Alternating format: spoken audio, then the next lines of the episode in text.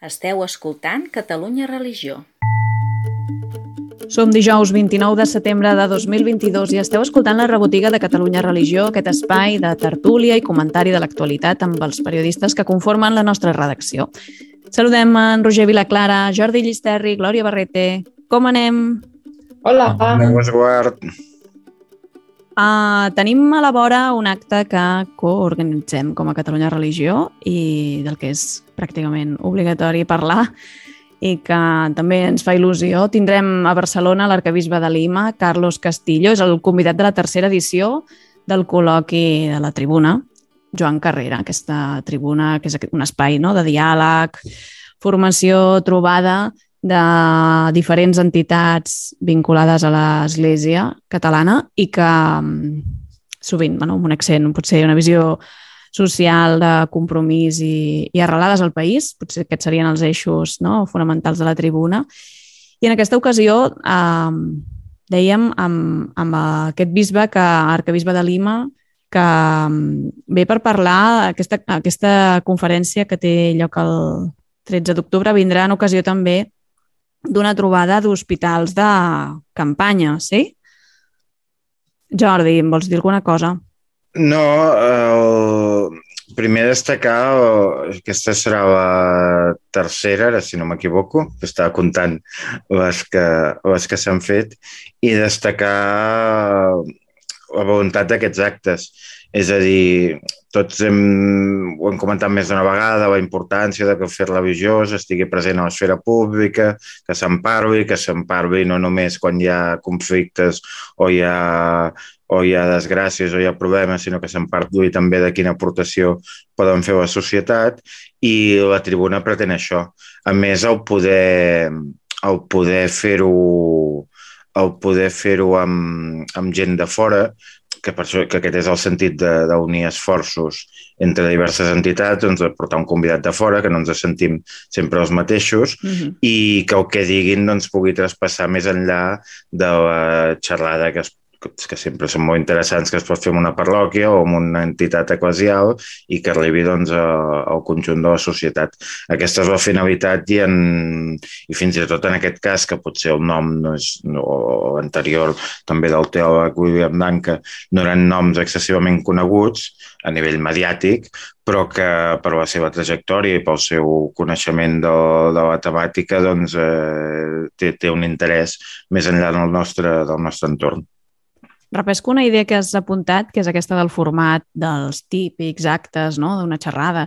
Amb què és diferent? A, a mi em fa pensar, no sé si n'havíem parlat alguna vegada, com que el Marc és un sopar, en aquest cas és un sopar, acostumen a ser dinars. La Era un tema, però ha sigut un tema purament d'agenda, eh? no, no és que s'hagi volgut mm -hmm. canviar el format, sinó perquè per qüestions d'agenda doncs, érem, era, només era possible fer-ho al vespre. Mm -hmm. Però en aquest cas es repetirà no? de, de que tens algú fent una aportació i la gent l'escolta mentre menja. No? És allò com una mica les lectures en els monestirs mentre no? en el refectori que van fent. Uh, però He de dir que no permet... és el format més còmode del món per sentir algú, però mira, així aprofites el temps també. Bueno, per qui és més incòmode és per qui xerra, perquè ni sopa ni menja, és una cosa una mica així, però no té la gràcia que després s'entén que doncs, forces la trobada i la gent té ganes de xerrar també i, i de fer petar la xerrada sobre, sobre els temes que s'han apuntat. Té un, jo crec que eh, un punt de qualitat. En aquest cas, el subpassaran al claustre de la parròquia de Santana, que no ho hem dit, evidentment doncs, com a referent màxim de, de tot el que implica una església oberta, no? que acull els últims, no? aquests hospitals de campanya que prenen una expressió del papa francès, no? doncs avui eh, quin sentit tenen també quan ja porten uns anys mm, caminant, no? És a dir, això potser engegar-ho mm, quan un no, s'entusiasma i pot generar aquest contagi és fàcil, però mantenir-ho en el temps entenc que aquí hi ha la, la dificultat, no? Glòria. Bueno, no, no, jo només afegir eh, que és significatiu també no? aquest sub al claustre de Santana, quan una de les imatges que més es repeteix doncs és aquesta imatge visual de, dels menjars i sopars que donen, no? que sempre fan èmfasi en que al final són l'excusa per fer una trobada de fraternitat i jo crec que ells remarquen des de fa un parell d'anys aquest concepte de fraternitat no és tant uh, menjador social, sinó és una llar que acull no? I, i jo crec que podrem visualitzar que el claustre, que és un lloc on hi passa vent, no? doncs eh, jo crec que quedarà molt, molt clar que aquesta tribuna Joan Carrera doncs, també pot ser un exemple de, del que ja viuen habitualment els usuaris. Eh? Roger, algun punt final? Tu que has estat en, un, en el primer dels, dels dinars. No, realment comparteixo la, la teva opinió a l'hora de, de, del tema del dinar, però sí que com una mica el que deia també era la Glòria, no? que és cert que el Jordi comentava que el canvi doncs, es fa per un motiu d'agenda, però a mi em sembla molt encertat perquè d'alguna manera és apropar el tema del que parles de in situ, diguéssim, i com una mica també, doncs, bueno, em sembla, em sembla com coherent, no? que si parles dels hospitals de campanya, doncs poder-ho fer allà i aprofitar aquesta trobada així que, que em sembla interessant aquesta proposta i que potser en les següents tribunes també es pot mm, fer algun canvi similar per apropar-ho no, al tema, o sigui que, bueno, això. Molt bé. Jordi, sí. No, tam també, ara que estem a, a Catalunya esperant bisbes, bueno, sempre acaba havent-hi una situació de que, de, de que sempre hi ha l'espera de veure quin bisbe vindrà, no? però ara estem pendents del, del nomenament de, de Girones, també si hi haurà algun nou auxiliar a Barcelona, hi ha algun bisbe de Catalunya que també s'apropa a l'edat de jubilació. Eh, destacar que, aquest, que, el, que, el, que el, el bisbe que vindrà a la, a la sessió era aquell típic capellà que en el seu moment va estar molt apartat de la vida diocesana, no per voluntat pròpia, sinó perquè l'havien apartat i havien considerat que era un home excessivament poc ortodoxa i, i que el tenien allò com a les perifèries treballant i, i fora de, dels circuits diocesans. I després, en un moment en què hi ha un relleu a Lima, doncs el papa el nomena arcabisbe. Eh, és una cosa significativa. Mm. Sí que també veiem, també és un, i més amb, amb aquest àmbit de Llatinoamèrica que el, que el papa francès té més proper i pot tenir fins i tot més coneixements directes directes de les persones i els circuits i els, i els grups que representa cada un o amb els que està més vinculat cadascú, doncs és significativa la tria que ha fet i per tant també serà bo de veure diguem, aquests bisbes que li agraden al papa francès com són més des de vistos des de, directament i de primera mà. Fantàstic, doncs fem la invitació des d'aquí. Les inscripcions estan obertes. Podeu accedir al formulari d'inscripció des del nostre web si busqueu la peça de la tribuna Joan Carrera. Us apareixerà, si no, també amb l'etiqueta que trobeu al, a la capçalera de Catalunya Religió. Explica-ho bé, això, explica-ho bé, que això és nou. Sí, tenim, diguéssim que hi ha diferents franges, des de, hi ha el logotip, després teniu l'accés a totes les xarxes, des dels podcasts, Facebook, Twitter, Instagram, allà, tots els llocs on som. I a banda de les seccions temàtiques, n'hi ha una de, de més temporals, no? que allà, els temes que, que són de més actualitat els tenim destacats a dalt. A vegades és més fàcil navegar per aquí no? que anar a buscar la peça en concret. Si cliqueu a la que diu Tribuna Joan Carrera, eh, accedireu, accedireu a aquest contingut. Molt bé, doncs us sembla que, que passem als més llegits? Endavant, sí, tot teu, Roger. Som-hi, doncs aquesta setmana l'article més llegit és l'article en què explicàvem la restauració de la imatge de la Mercè. El segon més llegit és l'article sobre la Sagrada Família i les Torres dels Evangelistes. En tercer lloc, i tenim la celebració de Santa Tecla amb la homilia de, de l'arcabisbe Planelles. En quart lloc hi tenim la notícia que les filles de la Caritat deixen Lleida després de 230 anys i en cinquè lloc hi teníem un article que parlàvem de la punxa de la Seu d'Urgell. Escolteu, uh, tenim dos temes que uh, ha promogut, ha uh, redactat uh, un dels nostres col·laboradors, eh, que es va passejant pel territori i descobreix coses que nosaltres fins i tot tampoc no sabem, que és el Víctor Rodríguez. Uh, Víctor, com estàs? Hola, doncs molt bé, de moment molt bé. Content d'estar amb vosaltres. Escolta, explica'ns les intríngulis d'aquesta peça, no sé, comença per on tu vulguis, aquesta de la Mercè, que és la més llegida de la setmana. Bé, jo penso que era una peça esperada, diguéssim, pel contingut i per la il·lusió. Estem parlant de Barcelona i de, uh -huh. de, de la patrona, no? I, i realment... I això ho diu un que no és de Barcelona. bueno, sóc nascut a Barcelona, eh? De petit sí, però garriguenc. I treballa Ja. i per tant hi passa unes quantes hores també, no? Sí, encara, encara hi tinc un, un tros de dit a Barcelona. Però ja, ja no és el teu bisbat. Ostres, No. Farem des de una que se'l van carregar. Uh, doncs, doncs bé, jo penso que com a, com a patrona de Barcelona o copatrona també, perquè no s'ha d'oblidar Santa Eulàlia, no? que plora no? per les festes de la Mercè, doncs clar que una imatge es es restauri i a part amb això jugava una mica amb el llenguatge també de l'article, no? aquest, aquest presidi, aquesta, aquesta estada exiliada a Sant Cugat durant uns mesos fa que qualsevol imatge, doncs, quan, quan es treu del seu emplaçament original, doncs, també generi una expectació no? de, de, del retorn, sobretot, i de com quedarà. Llavors, jo penso que la Basílica ho ha portat molt bé, la part també de comunicació i la part de- de- de- d'inversió, de, de, fer també tots els complements. No és només que s'hagi restaurat potser una part, sinó que s'ha adequat en termes de seguretat i que a la vegada de- d'envellir, de, d'il·luminar, la ventilació, els vidres i, per tant, bueno, una restauració complementària del Cambril que suposo que s'anirà allargant amb altres parts de la Basílica. Per tant, bé, considero que, que, que s'ha fet una bona feina i que s'havia d'explicar. Que l'heu anat a veure algú dels que esteu per aquí? Jordi, tu que ets el més barceloní de tots. No, eh, Roget, he de dir que eh, hab- habitualment compleixo amb, amb el deure d'anar a la celebració de, del Dia de la Patrona de Barcelona. No cal que et justifiquis, Però no? aquest, any no, aquest any no va, tot, tot no pot ser. Tot no, No pot pot ser, ser. aquest any no ha pogut ser i certament ho, ho tinc pendent. De fet, també per anar a veure aquests llocs que ens conviden al Víctor, també és millor anar-hi els dies que no hi ha tanta gent. O sigui que qualsevol dia la Basílica està oberta moltes hores i és un, està al centre de Barcelona i per tant és una bona, un, una bona invitació passar per allà en qualsevol moment i fer la visita a la Mare de Déu i poder veure els detalls que ens, que ens comentava que ens comentava el Víctor. També entenc, Víctor, que el, el, restaurar una imatge que des, destaques, entenc que hi ha una part, diguem, tècnica o artística, però també deies que ho havien cuidat molt, o sigui, en el sentit de que no, no restaures un quadre. Bé, perquè sobretot el que han fet primer era, com ho deia el rector, és que primer es va fer una, un tractament, diguéssim, per combatre les plagues que tenia la imatge.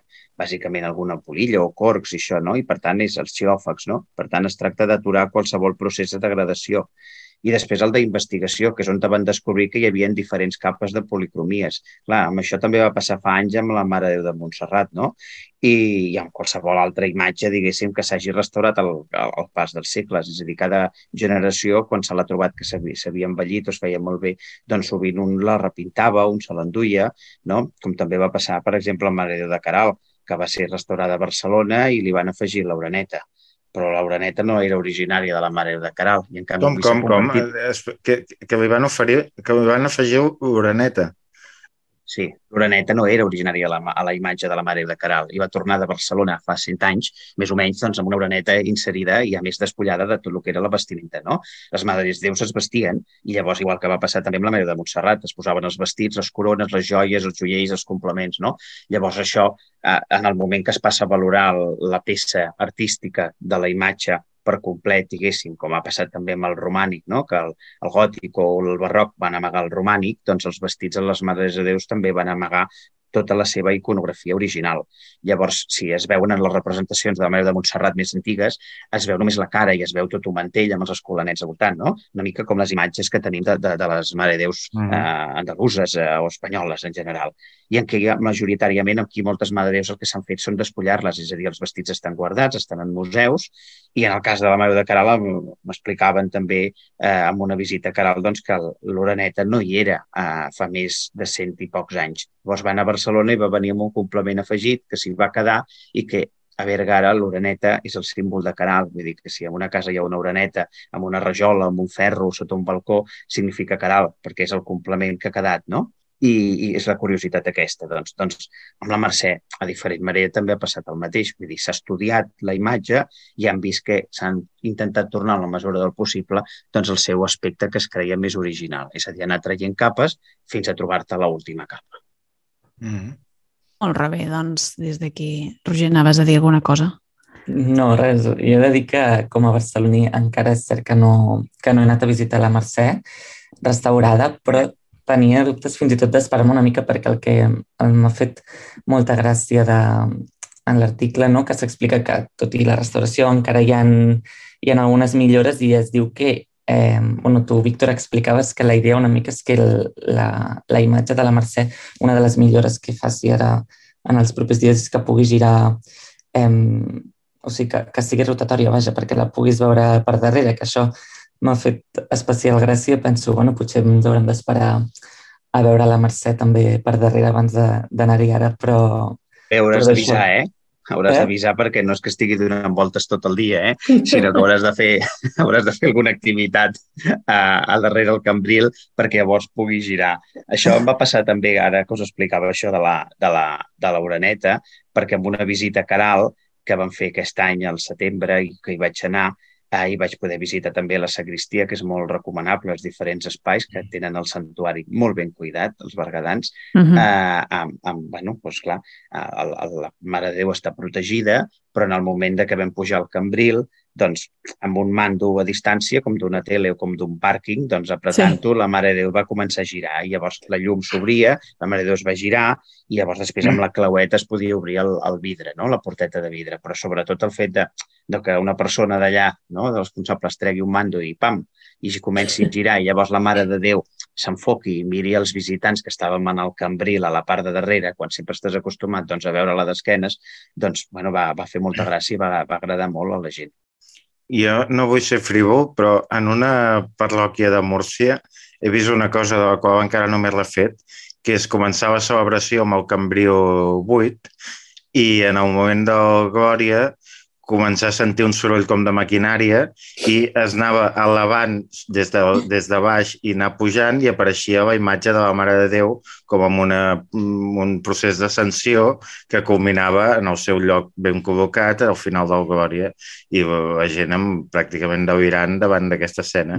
Eh, de vegades això hi ha, un, hi ha uns límits eh, perillosos. De no caure en una mena de, de, de mares de Déu que es, que es mouen d'aquest terreny de vegades pot ser perillós.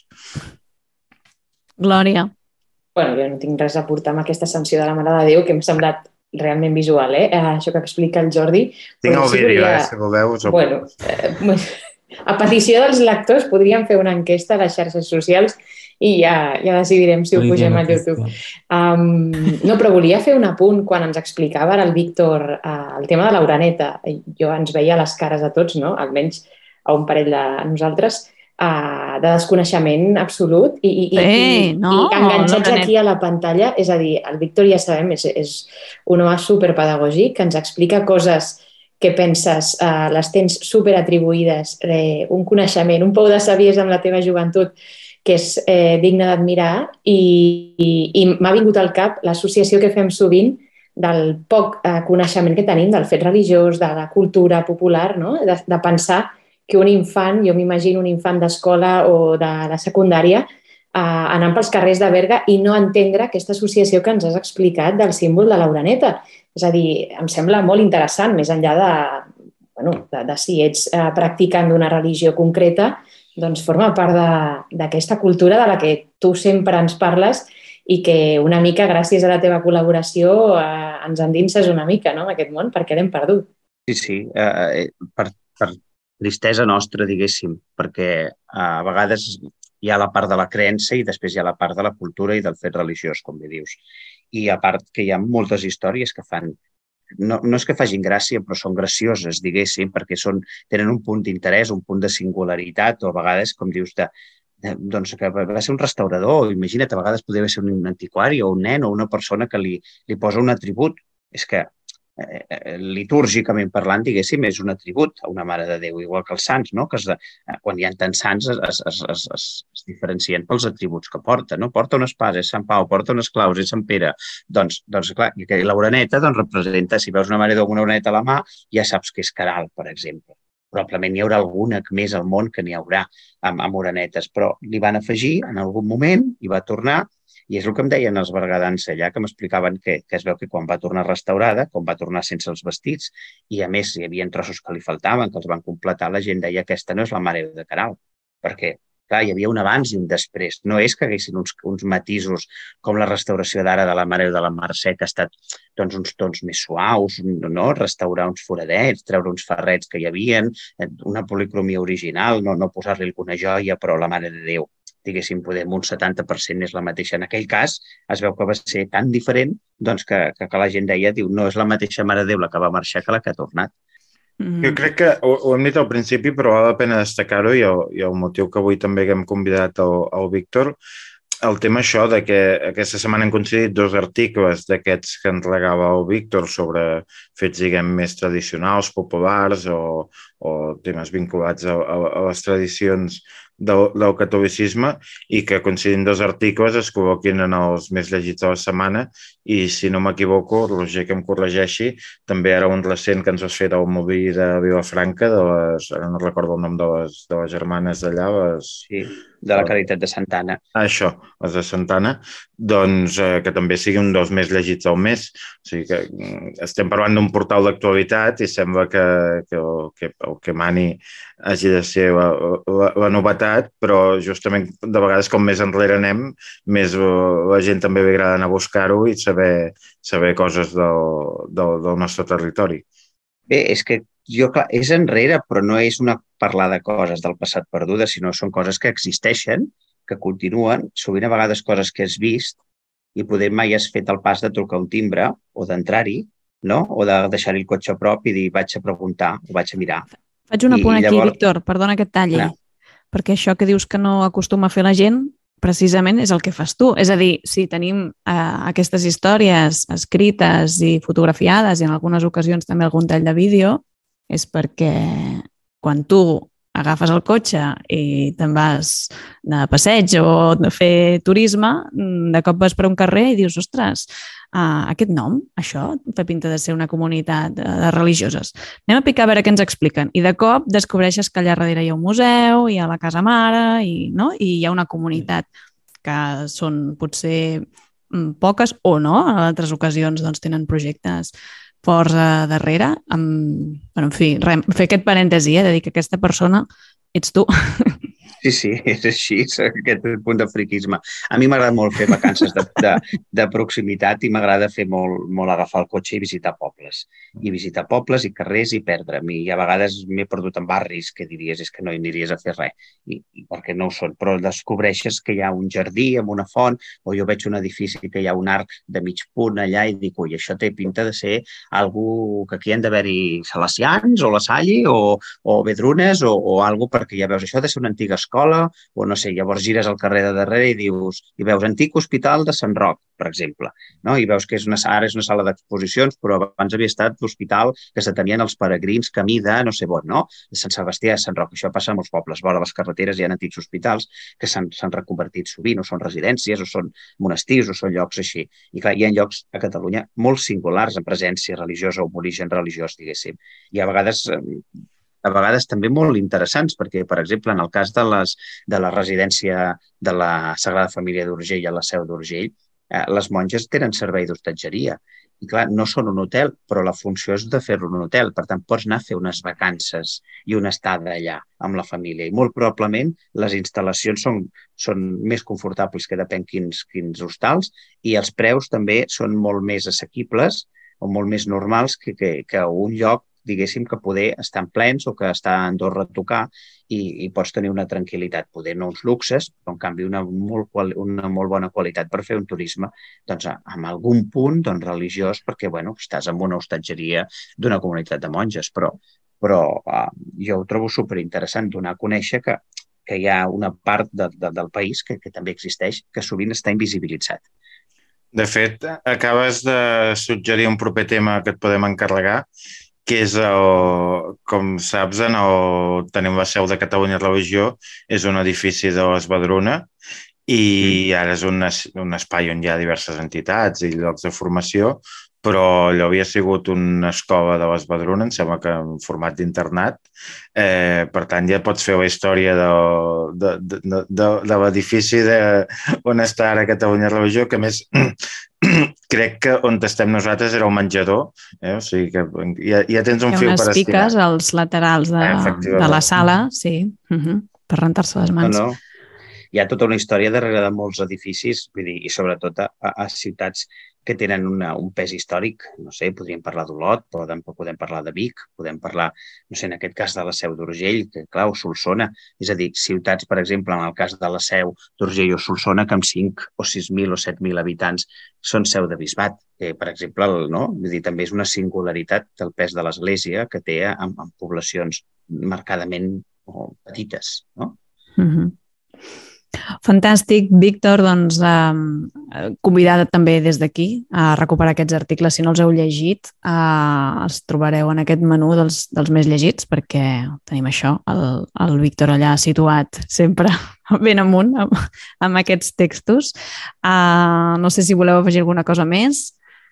No, afegir només que és veritat, o, o, parlàvem de, de, de que coses que poden ser desconegudes, però jo crec que en general tots els, aquests espais, o aquests, sobretot quan estan vinculades a, a, més directament a un, a un espai de, de, de culte, eh, poden ser desconeguts pel, pel gran públic, o la gent pot conèixer Montserrat i Núria i una mica Poblet i poca cosa més, però, però que en, en els llocs on hi són mm, també mouen gent al seu voltant és, evidentment, quan parlem de la Mercè no, no, no, no cal dir-ho, però no sé, jo, jo crec que pels de Vilafranca, però doncs, o, uh, aquest espai de les monges de Santana és, per ells és important que no, diguem, que no els hi toquin aquest espai.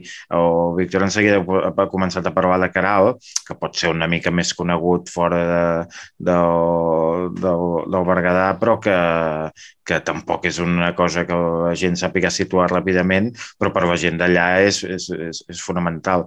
Mm, vull dir que també estem parlant de, de pedres o d'imatges, en aquest cas, o d'obres d'art antigues, però que si continuen tenint sentit és perquè també hi ha gent al seu voltant, no? gent que, que, que, que la seva...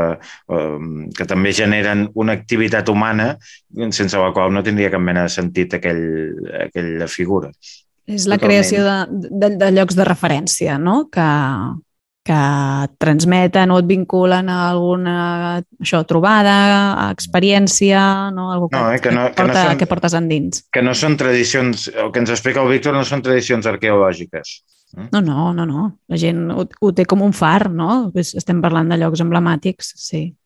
I són això, relats. Mm. Són relats, ara has dit la paraula, relats sovint localment, a vegades comarcalment. Eh, eh, no té per què estar molts segles, com s'ha vist, eh, alguns, vull dir, alguns són qüestions de desenes d'anys, eh, alguns sí que ja és un centenar, no? Però, a més, han anat canviant amb els anys o han anat canviant la seva funció religiosa o social, a vegades, no? com dèiem en aquest cas de la Sagrada Família d'Urgell, i, i, i veus que, que, era, que era un noviciat. Ara no és un noviciat, ara és una hostatgeria. No? Vull dir, a vegades el que potser era un convent ara és una escola, però la presència segueix estant, l'edifici amb, amb algunes altres funcions segueix estant, i la gent s'ho sent seu. I llavors, clar, has de saber quin, quin llindar traspasses, diguéssim, d'irradiació, és a dir, fins on arriba que sigui conegut allò, poder fins a dos o tres pobles, o a la comarca, o en un barri, a vegades, no?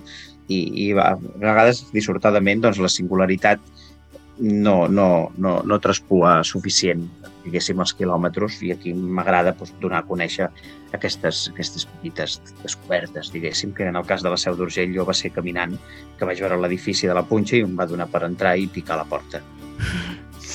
Fantàstic aquest regal i també casa, diguéssim, amb la funció de Catalunya Religió, que és ajudar. És que a casa ha algú truca a la porta, tenim unes, i no, no espereu a ningú, una de les possibilitats és que sigui el Víctor.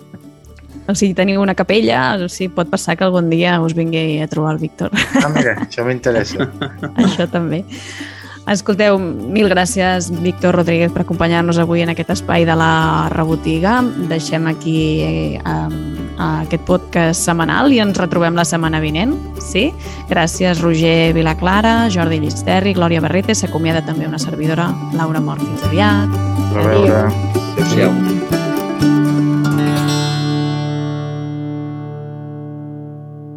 Catalunya Religió.